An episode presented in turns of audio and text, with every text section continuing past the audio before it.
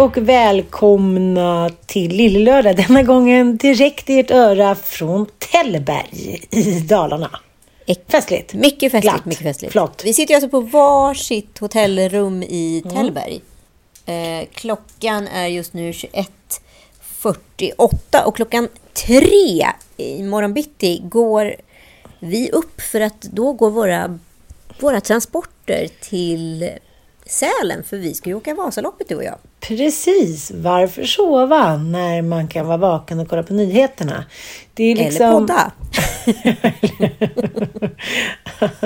Eh, jag älskar ju såna här, eh, man kanske inte kan kalla det kurhotell, men jag får ändå den känslan av de här gamla liksom Dala-hotellen, liksom Gästgiferierna, eh, där allting är lite som min mammas stil på 90-talet fast liksom uppdaterat. Eller jag vet inte om det är uppdaterat förresten. Eh, det är sån nostalgitripp. Vi bodde i Dalarna och eh, våra grannar hade sommarhus här som många har som bor i Dalarna.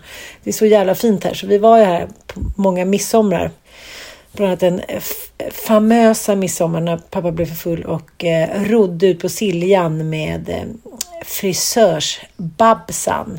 Mycket drama, mycket drama. Och, Mycket eh, drama? Ja, Sigge Pillisar och tå, stora tårar bakom ja, härvbrett så att säga. Så att det var väl inte så roligt. Men eh, jag har ändå många, många fantastiska minnen härifrån och jag tycker att det är så gulligt här. Jag vet inte, det är bara som en sagovärld liksom. Nej men alltså det är så roligt. Jag har med eh, mig en barnvakt upp eh, för att Joel jobbar. Va? Va? Va? Har inte han lov? Jag inte han upp barnvakt frugan när hon behöver honom?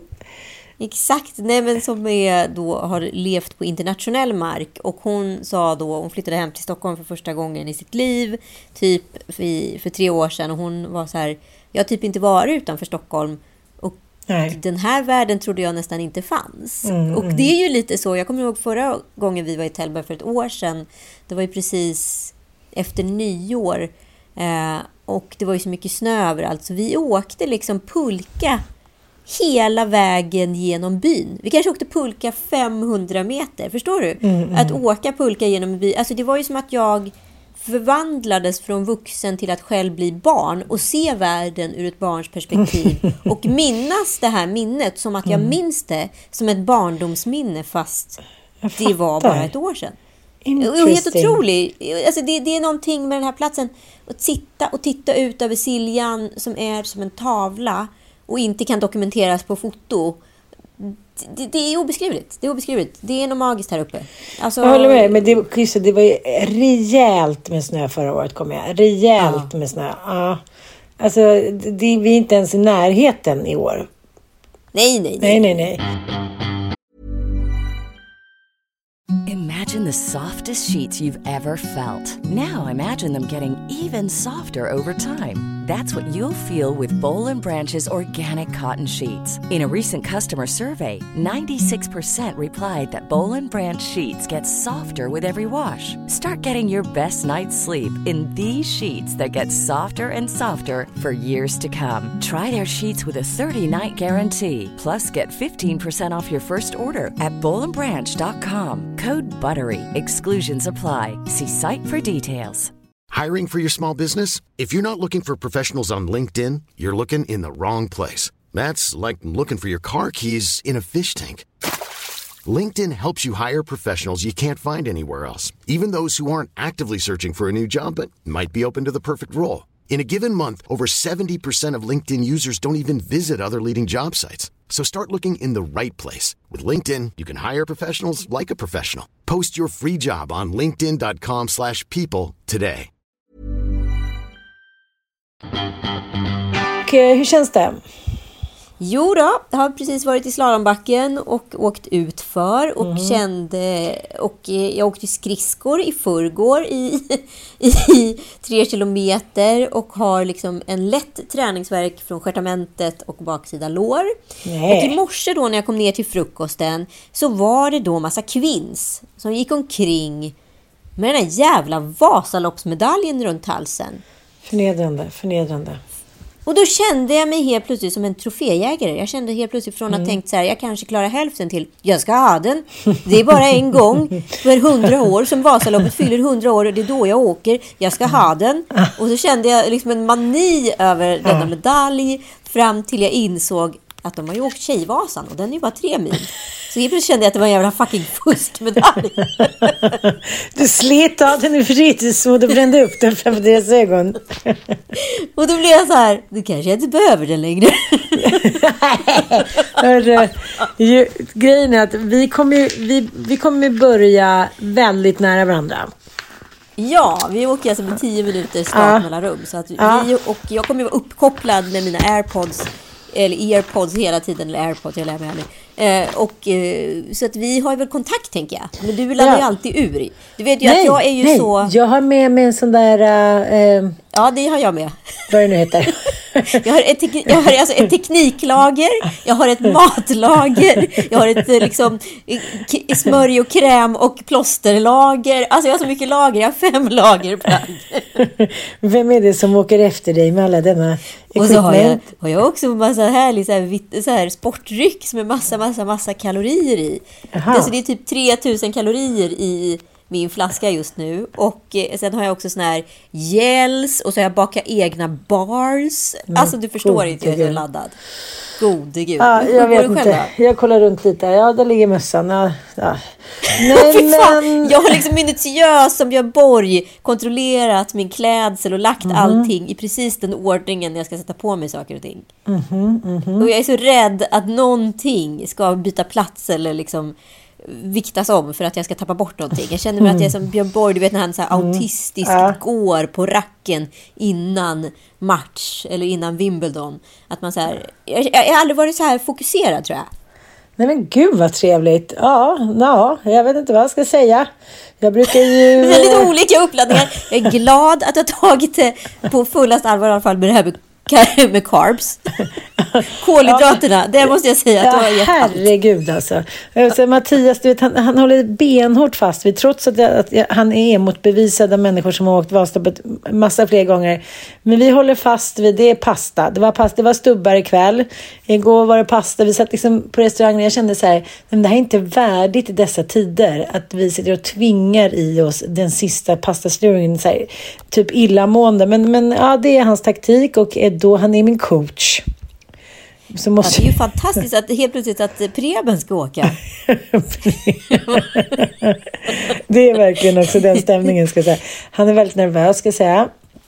Ja, men det är också hans psyke. Det är, det, är det som kan få honom att liksom falla. Alltså han, har ju, han är ju en exceptionellt bra idrottsman förutom den där sista... Liksom, det, är Den där sista det är som Joel. Ja, men du vet, det är som Joel. Har också varit, så här, varit ett ämne och varit, liksom, håller på att bli liksom, värvad. Och Det har varit massa människor där och vill Mm, förhandla om honom och sådär. Och sen sista biten som inte går, psyket. Nej, nej. Tvärbjörn dyker upp och sen är det över. Nej, det är lustigt. Det är lustigt. Det är så här, de tappar tron på sig själv en, en, kort sekund och då är, liksom, då är slaget förlorat. Till skillnad mot dig och mig. Till skillnad framförallt mot dig som sa att du helt plötsligt skulle vara bra på... på vad heter det? Nej men då blev vi för fan på att svimma utan skratt. När du var hemma hos mig bara, när vi kollade på skidskyttet på OS. Bara, det ska jag vara bra på alltså. Ja, Jag är så jävla bra på att fokusera sådär. Jag bara, däremellan är du lite mera... Jag som aldrig har liksom prickat ett, ett skott på någonting. Men, men eh, just då, under OS. Just då. Vad vet du om Vasaloppet rent historiskt? Det är ju, dels så är det 100-årsjubileum, vilket känns stort. Det är väl den där Mora-Nisse som har åkt hur många gånger som helst. Det vet jag. Ja, Mora-Nisse. Vi sätter Sverige i rörelse. ju deras Jag vet gamla... också att här, typ Sveriges äldsta atlet, eller det var någon som så här, nämndes som var med på, på spåret som inte skulle få tävla i Vasaloppet för att han egentligen var för gammal och sen så slutade med att han vann hela skiten. Ja men en sån där typ av person. Mm. Eh, har åkt x antal gånger. Det är så här sega gummors lopp och gubbars. Ja, verkligen. Li- Men, jag ser ju de som åker, det är ju sekt virke. jag känner mig inte alls som ett sekt virke i sambandet. Min mamma, hade ju, min mamma och min mormor hade ju nailat det där liksom hur lätt som helst. Sega smålänningar, lätta, sega, envisa. In, ingenting förutom döden stoppar dem liksom.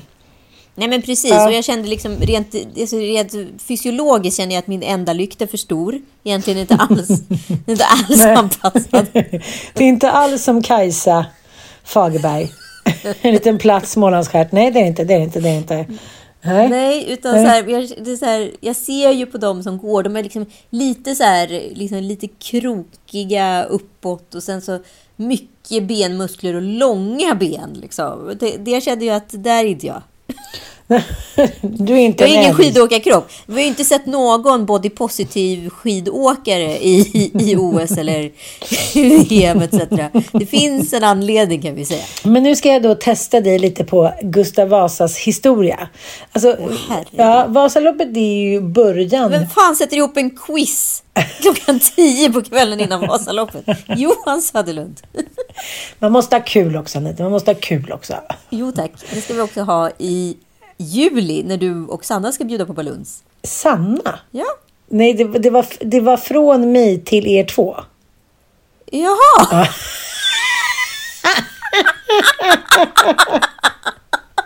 Men jag skickade till er två för jag märkte att när, när, när jag la det på storsamlingen så var det som att när jag la till en ny då såg inte de gamla som inte hade öppnat upp sitt.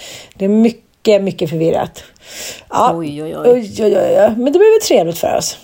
Mycket trevligt, mycket trevligt. Jag kände bara så här, jag fick en inbjudan, det- det- jag har fått några inbjudningar till fester nu där det var så här, nu har vi suttit inne i två år och nu ska vi fan inte, ja, nu, nu ska vi vara, kanske Binnike, Binnikemaskarna kommer nu, men liksom nu får vi parta på. Det kändes jag så här, äh, nu kör jag. Jätte, jättebra. Mm, jag ska ju också till eh, en annan fest typ två dagar senare. Så det blir en spännande biltur. Vi måste alltså boka färja typ nu och så att vi kan ta oss också från Oskarshamn till södra delen av Sverige. Vi ska vidare ner mot Österlenen dagar, Ja, två dagar senare. trevligt. Det är en riktig partysommar. Ja, det- många fester. Ja, Många, många, fester. fyller år, många fyller år, eller bryr sig om för en gångs skull kanske att de fyller år. Så kanske man kan Ja, säga. men nu är det ju liksom bröllop och party som har varit inställda i tre år som helt plötsligt inträffar. Så det, det känns som en syriansk sommar. Med Ja. det sagt. Mycket fest. Den syrianska sommarnatten. Ja. Exakt. ja, är du med nu då? Absolut.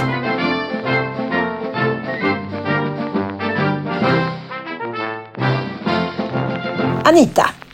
Mer Ja. än en och en halv miljon människor har åkt av Vasaloppen sedan start 1922. Men egentligen föddes tävlingen ytterligare 400 år tidigare med bara en enda person. Och vem var det? Eh, Då svarar jag på följande fråga. Gustav Vasa. Mycket bra. Och varför åker vi denna sträcka då? Från Sälen till Mora. Varför åker vi denna enormt, enormt, enormt långa sträcka? Ja, för det var den vägen han färdades för han skulle rymma från norrmännen. Vi kan inte vara med i Alla mot alla. Utan vi kommer nu få, vi kommer redan bli utklassade. Det är nämligen danska knäktarna. Den Ja, men danske förlåt, knä- förlåt. han- han- han- han- Glöm det, du får inte klippa bort det där. Du får aldrig klippa bort det. Men han gjorde, gjorde ju någonting i Norge. Han Ja, gjorde det- något i Norge också. Han var lite överallt. Men han var ju på flykt undan den danske Han var kungen. un- undan danskarna och så samlade han, samlade han dalkarlarna. Men det var ju Precis, någonting han det var gjorde med norrmännen. Och så flydde han från dem med. Ja, skitsamma. Ja, whatever. Ja, ja, ja. Men, Det kan våra lyssnare få rätta oss om. Precis, men vi var ju i union med Danmark då och eh, lilla Gurra Vasa var ju inte gammal, han var ju ung palt.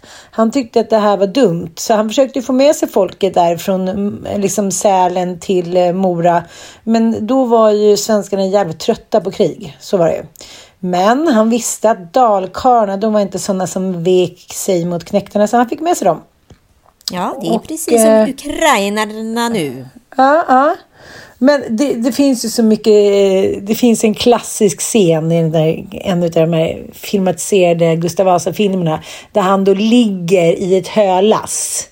Ja, och eh, de här danska knäktarna då stod med såna här ja, högafflar då. De var ju väldigt långa och spetsiga på Gurra Vasas tid och stack då ner för att kolla att han inte låg där. Och så heroiskt då, trots att han fick både ett och två sår så låg han helt tyst. Eh, jag, jag eh, har svårt att tänka mig att eh, knäktarna, trots kanske svag brist på hjärnkapacitet, inte skulle liksom kolla. Eller? Nej, men det känns ju också som man då möter någonting mjukt i höet. Ja. Att man säger vad var det där? Ett tjockiskungalår. Ja. Gustav Nej. Eriksson, Gustav Eriksson. Nenne mensan, den Mm. gubben gick inte. Nej. Nej, men jag tycker ändå att det här var intressant. Eh, Men han blev ju först fängslad i Danmark. Då var han, 24, han var ju 24 år när det hände och lyckades då fly. Det där är också sånt Gud, där... alltså våra lyssnare hade ingen aning om att de skulle få lyssna på Gustav Vasa-podden. Men det fick de. han landsteg söder om Kalmar och började en lång äventyrlig marsch norrut. Ja, nej, men han manade ju de här bönderna till uppror. Jag tycker han måste ju haft en karisma utan dess like. Ja, någonting hade han. Men eh, han är ju också en tyrann. Alltså Mm. den andra historien av Gustav Vasa är att han är en rätt oskön, otrevlig prick som som en envåldshärskare styrde landet och tömde kyrkorna Mm. och lät folket svälta för att han var sugen och kåt på krig. Och det finns ju en modern historia som också repeterar sig i de här gamla tongångarna. Du har faktiskt rätt att, eh, att det var så här att han fick inte med sig de här, eh, inte ens dalkarlarna då, så han var tvungen att fly till Norge. Det var det jag menade. Han var ju på Precis. väg till Norge. Det Ja. var där jag visste att det fanns en norsk koppling. Men då gick ju då plötsligt ryktet och nådde ju ryktet dalmasarna att Christian Tyrann var på ingång och han var inte nådig. Ja, då var det så att folket ångrade sig. Så då skickade de eh, byns bästa skidåkare, det var Lars och Engelbrekt. Och, så de skickade iväg då för att eh, hitta då den flyende lilla Gustav. Och eh, när de var i då Sälen så hann de ifatt honom. Och då sa de, du måste återvända till Mora. Och sen så började det här upproret och det tog i och för sig uh, två och ett halvt år innan kriget var över. Och då var ju Sverige ett fritt land. Och det var den 6 juni 1523 valdes han till kung. Och det är så det här är då... vi har vår nationaldag. Precis, men så man kan ju säga att det här är liksom eh, ett väldigt symboliskt lopp. Verkligen, Ja. verkligen. Och det är därför jag känner så här. Från att varit liksom rätt så här. Ja, men jag måste klara hälften. Ovanligt ljummen inställning har du haft innan. Ja, men verkligen. Till Mm. att här, känna blodvittring och liksom. Jag ska ha den, jag ska ha den. Ge mig guldet, ja, men ge mig guldet. Så nu är Jag hade jag... aldrig missat ditt stjärtamente, Loe. Loe. Nej, Ja, och det nej. kanske inte finns något testament efter det här loppet heller. Ragnhild stapplar in.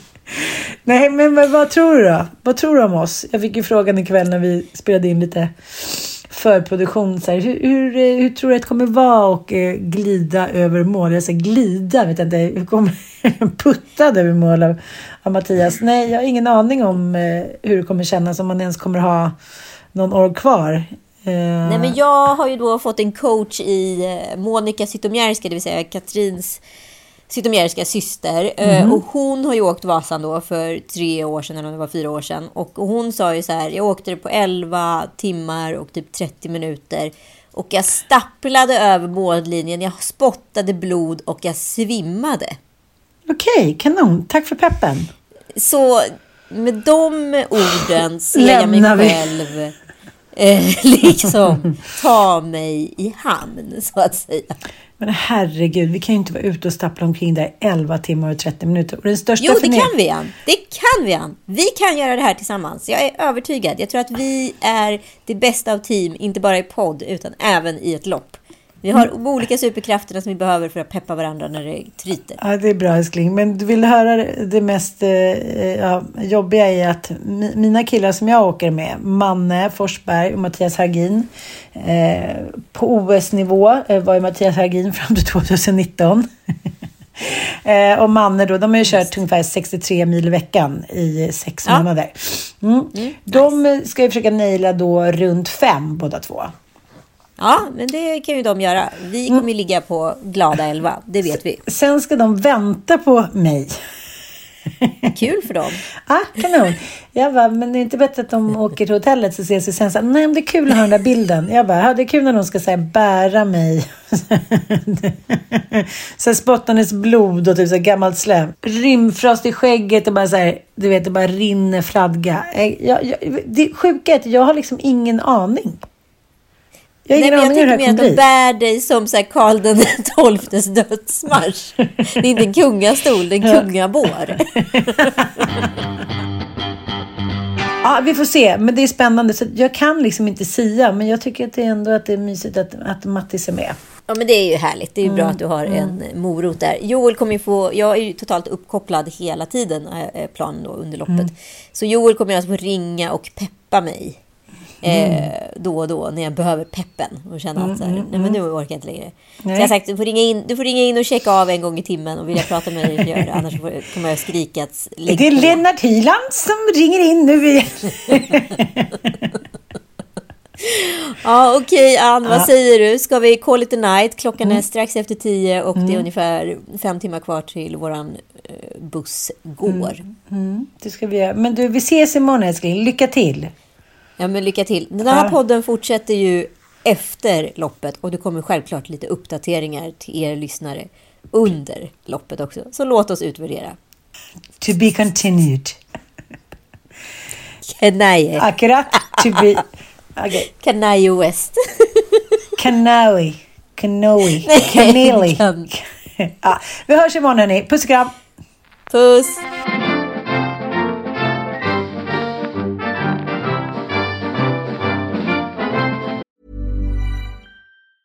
Hey, it's Danny Pellegrino from Everything Iconic. Ready to upgrade your style game without blowing your budget? Check out Quince. They've got all the good stuff shirts and polos, activewear, and fine leather goods, all at 50 to 80% less than other high end brands. And the best part? They're all about safe, ethical, and responsible manufacturing. Get that luxury vibe without the luxury price tag. Hit up quince.com slash upgrade for free shipping and 365 day returns on your next order. That's quince.com slash upgrade. I'm Sandra, and I'm just the professional your small business was looking for. But you didn't hire me because you didn't use LinkedIn jobs. LinkedIn has professionals you can't find anywhere else, including those who aren't actively looking for a new job but might be open to the perfect role, like me. In a given month, over 70% of LinkedIn users don't visit other leading job sites. So if you're not looking on LinkedIn, you'll miss out on great candidates like Sandra. Start hiring professionals like a professional. Post your free job on linkedin.com/people today.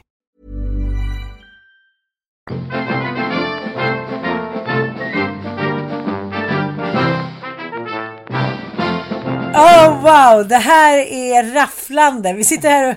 Vi sitter här och smågråter idag också. Herregud. Vad har vi varit med om? Nej, det är ju en urladdning utan dess like. Man har ju inte varit med om något liknande. men- Min, min Vätternrundan, men det här var ju utan dödsångest. Det här var ju bara den fysiska. Nej, alltså jag... Jag tror liksom inte jag förstod vad Vasaloppet var. Nej. Utan man har liksom inte ens en idébild om det. Jag har frågat så många, så kan ni berätta om loppet? Och det är ingen som riktigt har kunnat berätta om loppet. Men jag förstår nu i efterhand varför man inte kan berätta om loppet. För det är tortyr. Det är tortyr på fullaste allvar. Sofia Wistam har berättat om loppet. Hon berättar gärna om olika lopp hon har varit med i. Eh, Och berättar för mig att så här, det kommer inte gå. Och så där. Men eh, eh, några gånger under loppet kände jag så här, är det bara jag som har så här ont? Alltså så här, kan, kan någon mer eh, köra och ha så här ont? Så jag tänkte, jag frågar bara liksom alla som åker förbi mig så här, Hej, jag tänkte bara fråga, hur går det? Så här, men du vet, man åker och snicksnackar lite med Ja. andra så här. Eh, vi var ju som en liten klunga under de nio milen som brände förbi varandra. Sen brände den andra bakom. Ja, och så fram och ja, tillbaka. jag, hade några, jag hängde på några så veteraner. Ja. Och så de åkte vi så här, hej hej, går det bra? 99 år Hej, ja. ja, men precis. 79 Och det var så roligt för en gubbe i veterangänget, han stod liksom och drack lite kaffekask, lite här och där. För då hade han två polare som var ute i, med en bil. Jaha. Och så gjorde det som en följelopp med honom. Så då stod de och drack kaffekask liksom, längs, precis innan de här Evertsbergsstationerna och allt. Typ. Så gulligt. Sengumman. Och då sa den där tjejen, hon bara, skämtar du eller? Jag har typ kramp i höger liksom, utsidan på låret. Jag har typ nackspärr och jag har typ blåser under hela fötterna. Jag bara, okej vi åker vidare. och det tycker jag är en så här vaneföreställning man har om så här långa lopp. Att de som är vältränade, de, de bara kör det här 9 mil eller 36 mil. Alltså de som jag har åkt med nu och gjort en svensk klassiker med, de är ju supertränade liksom atleter. De är ju på OS-nivå som Mattias Hagin. Men han kom ju in efter Vätternrundan helt vit i ansiktet och dreglande som att han så här, hade varit död och blivit återuppstånden. Han hade haft kramp de sista tio milen. Ja, men- Den vidrigaste krampen. Det handlar ju bara om att så här, den som klarar smärtan bäst går i mål. Ja, fast jag tycker faktiskt inte smärtan var det värsta här. Jag tycker det psykiska.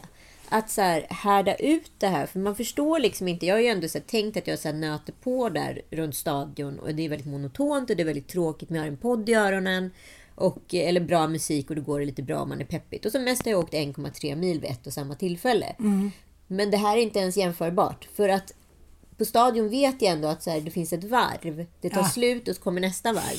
Här åker du på en flaka liksom planlöst, kilometer eller efter kilometer som aldrig tar slut. Och när den väl tar slut, då börjar flakan gå uppåt. Kilometer efter kilometer som aldrig tar slut. Och när du väl ser att så här, tallarna är kortare och du är uppe på den här fjälltoppen. Nej, då kommer en höjning till. Och en höjning till.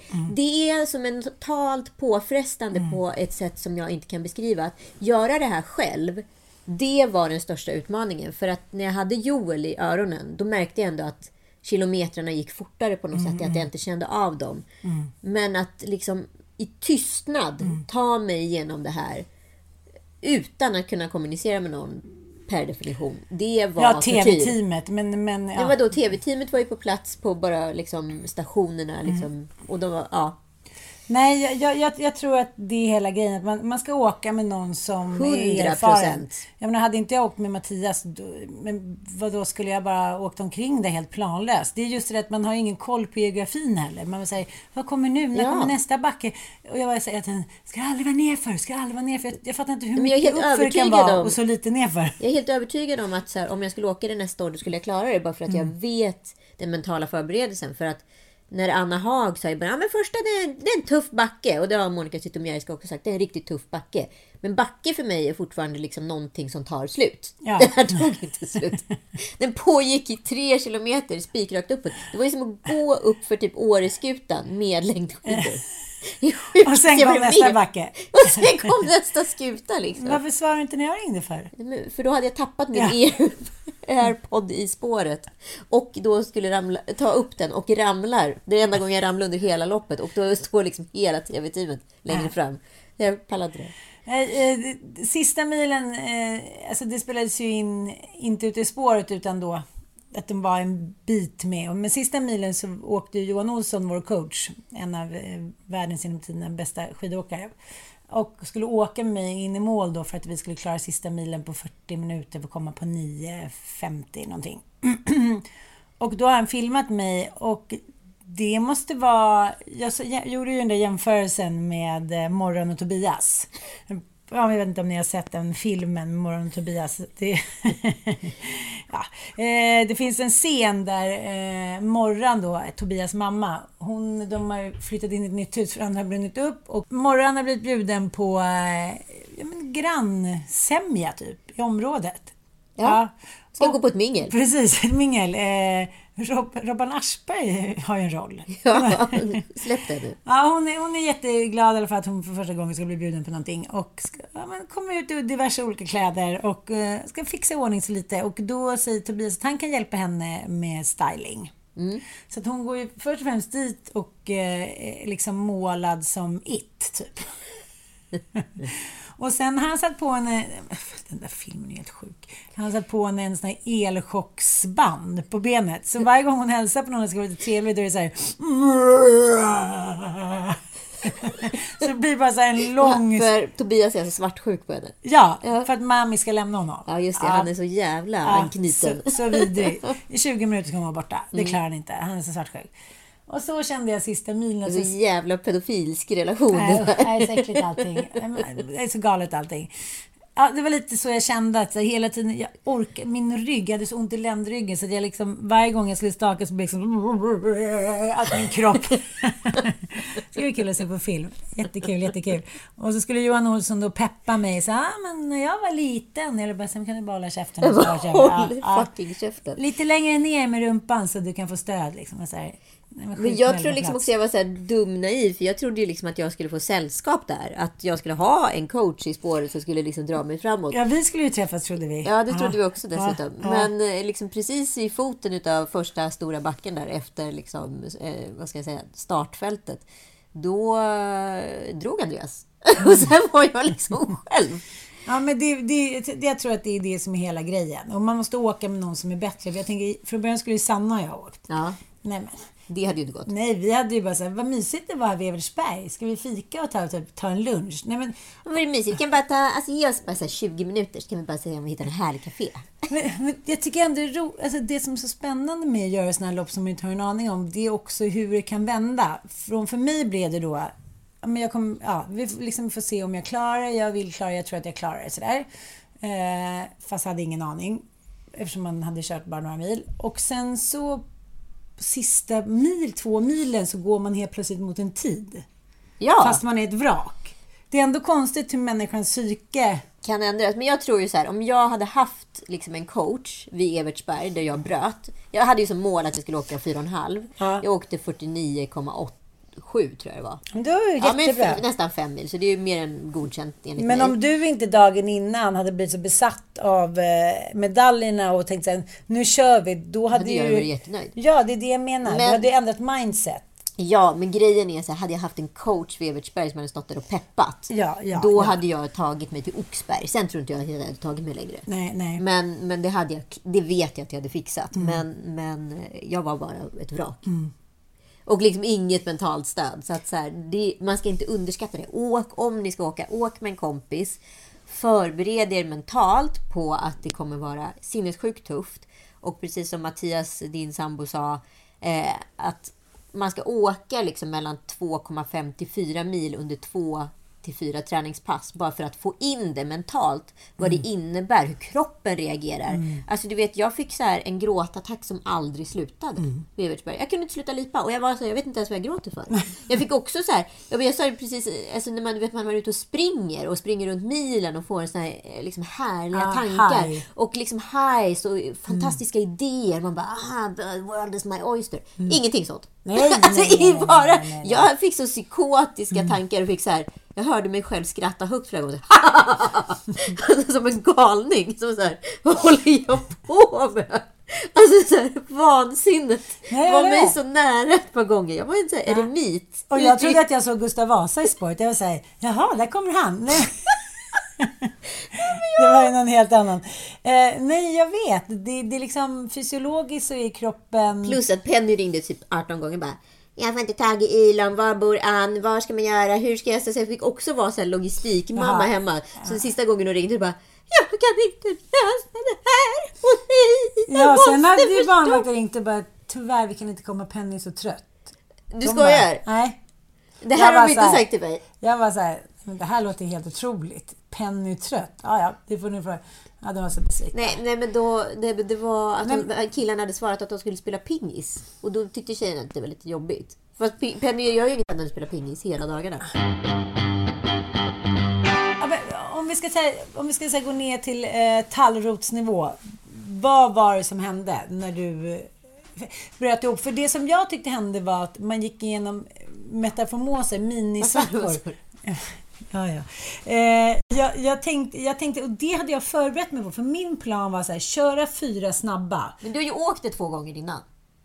Jag, jag åkte ju tre mil förra året med Nisse Hallberg. Just det. Ja, så då han hade ju inte liksom stått på skidor sedan han var fyra, så det gick ju jätte, jättesakta. Ja. Och då tyckte jag så här, gud vad tråkigt, jag är så snabb. Så jag, det som jag hade förberett mig på var ju att jag förstod att jag skulle gå igenom många olika kriser under de här nio timmarna. Det hade inte jag gjort.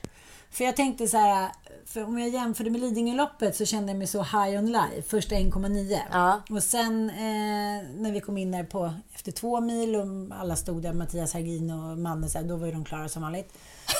Då var jag ett vrak och då Ja. kände jag så här, men där kommer aldrig gå. Och då var Alexandra som var min coach, som var så här, nu tar vi lite lugnt ett tag. Vi står här och snackar hit och dit. Och sen så kom det tillbaka och det var ju samma sak. Vid 4,5 mil så ringde jag ju dig inne på bajamajan och så blev jag så här, jag klarar inte mer. Och vi hade ju båda så ont hade vi skrivit till varandra. Så, här. Sen blev jag lite orolig eftersom du inte svarade. Jag tänkte men gud hon har väl inte Antingen, tänk, så, antingen bränner du på eller också så har du brutit ihop. Det är typ de, Ja, är de två, två. alternativen som finns om man inte är liksom hjärnbettan. Men samtidigt så är det så här, jag har ju sprungit lopp med kvinnor som har varit så sjukt mycket mer erfarna och vältränade än jag som alltså brutit ihop efter fem kilometer. Det är också så himla mycket dagsform. 100% dagsform fick jag också i min lilla app här från Hercare att jag ska ha mens i övermorgon. Det kan också ha någonting med saken att göra. Mm. Ja, jag ska inte ja. skylla på det. Nej, men, men- men liksom... eh, Ja, för jag kommer aldrig ihåg sånt där själv. Men det är klart att man är bräckligare Mm. vid den här tiden a- än liksom när jag är uppe på så här... Alltså östrogen-highs. Mm. Liksom. Men, men jag tror det som, jag hörde de här veteranerna snacka när vi stannade vid Evertsberg. Då sa han så här, att alla ska veta det att man, klarar man sex mil, sen är det utför vet, ett tag och då kan man vila på benen och sen, sen klarar man skiten. Så då tänkte jag bara så här, sex mil, sex mil. Och då kände jag mig fortfarande fräsch faktiskt. Ja. Och sen vid sju mil, då kände jag så här, men gud, nu är fortfarande två mil kvar. Sju mil kände jag så här, det klarade jag bra liksom. Men sen två mil till och då började liksom snömodden komma dit för då hade ju mycket folk åkt och solen, det blev plusgrader. Och sen de där uppförsbackarna som bara var så här, okej, gå bara i en snömodd. Ja, du vet, jag hatade de där backarna så innerligt. Och så sa Mattias så här, tänk positivt. Tänk på att vi ska åka till London imorgon. Och jag bara så här, hittade ett par solglasögon. Jag låtsas att det är någon annan. Men det var väldigt svårt mentalt den sista milen att tänka positivt. Du vet, jag hatade det. Jag var så här, hur, fan kan man, hur kan man göra ett landskap som är så jävla mycket uppför?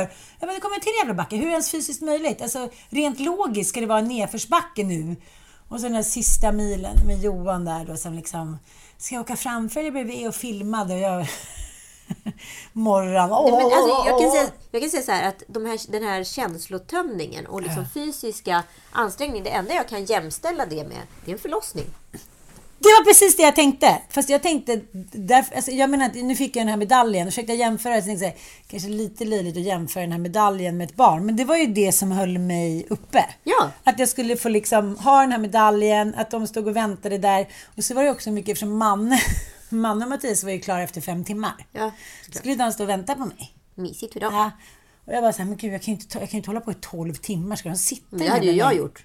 Ja, men det är det jag menar. Det, det var ju det jag trodde att jag skulle göra. Så det var ju också lite därför att jag kände så här. Jag, jag, det, det handlar om att... Man, sen så nu idag så känner jag liksom... När jag kom in i målet... Alltså, Så, varsågod. Jag gjorde det! Välkommen till Mora. Det kändes som att jag hade åldrats 25 år. Jag var som skatfeber. Jag, Men igår, jag fick ju värsta feberfrossan och liksom en nysattack. Jag hade ont i hela ena sidan huvudet, halsen. Alltså det var som halva systemet så här klogga igen. Liksom. Så skulle man käka lite så här bankettmiddag på kvällen. Jag säger, Mm. ett glas champagne. Jag säger, tog en klunk. Alltså, Drack ett halvt glas rödvin och bara däckade. Nej men det smakade, allting smakade, jag kunde inte ens äta. Nej. Det är så, man är illamående, man är så uttömd liksom. Ja, men jag, ja, men det är det jag säger. Alltså rent fysiskt skulle Mm. man kunna jämföra med en förlossning. För att det är så jävla dränerande på alla Ja, sätt. ja.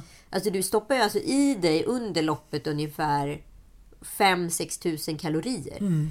Som du liksom också skiter ut eller kissar ut eller vad du nu gör. Jag gick faktiskt in på en gång under hela loppet. Va? Mm.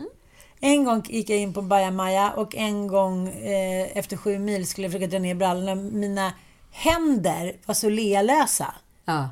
Alltså jag kunde liksom inte få ner, jag var så här, jag sätter mig bara, jag får bara rätt. Är du Åsberg? Nej men det är så intressant hur man liksom skiter i allt. Man säger jag ska i mål. Lite som en förlossning. Det är väldigt, väldigt bra för Ja. jämförelse. Den höll jag också på med när jag försökte stötta mig själv. Men min pepp var att jag hade laddat ner poddar och skulle lyssna på musik. Men första fyra milen tyckte jag bara att det var underbart. Liksom. Ja. Så vackert och hit och dit. Ja men det var ju värsta naturupplevelsen. Och sen kände jag så här, gud skulle jag hört en jävla röst i mina... Det kunde jag inte. Men hade jag varit ensam tror jag att det hade varit Jag liksom... hade podd i öronen och det hjälpte. Och, men de sträckorna när, jag liksom, när Joel ringde mig och vi pratade på, i airpods liksom i alltså, 30 minuter vid två tillfällen. Då kändes ju inte ens kilometrarna. Nej. Så att det är så uppenbart att det hade behövts liksom ett sällskap. Mm. Och det förändrade mycket. Alltså de där, små, de där pepparna jag hade behövt, de kom inte. Liksom. Nej, men det är inget roligt att åka själv. Alltså, Nej, det- det, jag är tänker- ingenting. Det är också en tävlan mot sig själv på något Ja. konstigt sätt som blir helt menlöst. För liksom, stundom kände jag ju bara så här, vad fan håller jag på med? Mm, nej, jag fattar. Och sen så när det där kommer, när man kommer i mål. Och jag var så här, försökte hålla ihop, men sen när jag fick min medalj då var det så här. och sen ringde oss igen och då var det bara så här. men det jag kände, man skulle kunna bara suttit där i två timmar och lipat kändes det som. Ja, men jag, alltså, när jag, så här, jag klev av i Evertsberg så kom det fram en funktionär och bara, hur mår du? Jag bara... jag vet inte. Och så började han krama om mig och då bara brast det. Och sen kunde jag inte sluta böla. Alltså jag böla alltså oavbrutet i över en timme. Vi ska lyssna lite på hur det lät. Jag är nu framme i Evertsberg. Vilket är på 47 någonting i distans. Och jag är helt slut. Alltså jag är helt slut. Jag vill så gärna åka vidare men det finns liksom inte en muskel i mig som klarar av det här. Jag är både så här glad för att det här som jag skulle vara nöjd med och samtidigt är jag besviken. Det är så blandat. Jag har så ont i hela kroppen så jag förstår inte hur jag ska kunna stå en meter. Jag börjar typ böla bara för att jag tänker på det. För att det är så här, det är sån sjuk känsla. Ja, men, men var det liksom... Var, du- var du besviken eller var det mest fysiskt? Du vet inte riktigt. Jag vet inte. Alltså, det var så här att jag, jag ville så gärna fortsätta men det fanns liksom, jag- benen skaka. Hela jag stod och bara så här... Som, som liksom, ja men som en så här dödsskälva. Och jag var så här... Jag försökte liksom peppa mig mentalt. Det är 6 kilometer neråt, du klarar, du hinner vila, du hinner vila, du hinner ta det. Du klarar 14 kilometer, kom igen nu. Efter, då är det bara, då är det bara liksom eh, 8 kilometer kvar, det klarar du. Bara, men jag klarar inte uppåt, jag kan inte göra ett passage till uppåt. Jag klarar inte det, jag klarar inte det. Så var det så här, nej men det här går ju inte. Vad ska jag hålla på, vad håller jag på med att tävla? Där känns ju inte om jag gör 6 mil eller 4,5 Nej, mil speciellt nej. viktigt. Nej. Ja, men jag fattar. Men nio mil, alltså det... Är Nej. långt. Jag Det är fem, nästan Ja, fem. Jag är nöjd, jag är nöjd. Jättebra. Vi kan dela på medaljen älskling. Åh, nej, Mm. den är du värd, gullefia. Det är ändå roligt att få Jag är så medalj. jävla impad av dig alltså. Ingen kan vara så cool som du är. Tack. När det kommer till sport. Annars är du rätt dum i. Jag borde blivit sportmästare. Jaha, är det något mer vi ska lägga till? Ja, vi hade tänkt att vi skulle prata massa krig, men det är rätt svårt också för det är sån otrolig så här, aktualitet rörande allting det som händer. Så att det man tenderar till att säga nu, det kan lätt bli liksom daterat rätt fort. Mm, Eh, vi kan väl återkomma med lite längre rapport. Jag har mycket som jag skulle vilja prata om. Ja, och också historien ja. bakom och sådär. Ja. Men världsläget är så extremt skakigt just nu så vi får helt enkelt vänta och se. Vi vet ju inte hur världen ser ut om en vecka till och med. Jag tycker det är så svårt. Jag tänkte fråga dig vad du tycker om det. Jag har ringt till några kompisar som vi har ju bokat en resa till London. För att vi ska åka och kolla på Harry Potter-museet och det är ju liksom eh, ja, men idag, onsdag då. Och och så kände man så här, men gud det är helt sjukt. Ska vi sätta oss på ett flyg och så här, ska vi ha roligt? Och, och så pratade vi med lite kompisar som också ska åka iväg och då sa de, ja, de tyckte i alla fall att det är så här, jaha men, men eh, är det inte bättre att, och liksom göra så kanske inte ska åka på någon festaresa men att ska åka till London och gå på Harry Potter-museum med familjen då allting kan väl inte stanna av. Men vi vet ju inte heller hur länge vi kan göra saker och ting och vi har ju levt redan i sån ovisshet i så många Corona, år. ja. Så att jag tänker att eh, jag tror om det är någon gång i livet det är viktigt att göra saker och njuta och faktiskt eh, seize the moment. För att vara så klyschig så är det väl faktiskt nu. För jag känner så här med alla, eh, alla åtstramningar och liksom eh, gentemot Putin, allt från så här, ja, men ryska landslaget, han blev ju av nu med sin, han är ju hedersordförande i eh, tror, Jujutsu förbundet, eh, internationella jujutsu förbundet. Allting tas ifrån honom. Han framstår som liksom Ja men typ herr Arnes penningar på säga. Men som det är den idiotiske psykiskt sjuke despoten. Och han som är så fåfäng. Du vet, jag tror att det här gör så ont. Det är ryska dirigenter, kulturliv, allting. De är bara så här borta från allt. Och, och jag är så här, jag är positivt överraskad över Ja. Europa. Sen är det så här... Nu är det svälta räv som Som gäller. vissa har skrivit att, liksom, att svälta räv ekonomiskt mot en sån person. Det, det, det, det, är både liksom Vi vet för också att atombomberna är ungefär tre gånger så starka som de var eh, efter, alltså under Hiroshima. Så att det, den förödelsen vill vi inte ens tänka på. Och någonting säger mig att han inte är rädd för att trycka på knappen. Det som han dock skadar är ju också Ryssland. Men det är det jag menar. Jag lyssnade på eh, Så. nyheterna i morse och det var en, en gammal liksom, räv i gamet som jobbade med sådana här frågor. Hon sa, men så här har hon på för. Jag, jag, tycker inte vi ska känna oss oroliga. Men vadå, galna människor? Men vi, här, när han åkte inte... runt och kränkte luftrum i Sverige så har han också hållit på tidigare mm. och så gör han. Det är liksom en del av hans stridsföring. Mm. Men det är också välplanerade targets för att om man vill sluta ett samhälle så vet han exakt hur han ska göra det. Mm, mm. Ehm, och precis som eh, mycket viktig information som sprids just nu att eh, om vi ser stora såna här militära fordon i Sverige runt om på olika platser, då får vi absolut inte lägga upp på sociala medier att, att vi har sett dem och att de rullar omkring. Så nu är det liksom tillbaka till det som faktiskt är demokrati och vi ska ta samhället på första och största allvar. Eh, att så här, nu samarbetar vi. Mm. För att eh, så här nära ett krig eh, som 1945 har vi faktiskt inte varit. Och det är på fullaste allvar. Det kanske var Gustav Vasa jag såg igår. Tack för att ni lyssnar. Vi älskar att ni är med oss i vått och torrt, i gråt och skratt, i krig och fred. Puss och kram! Puss och kram!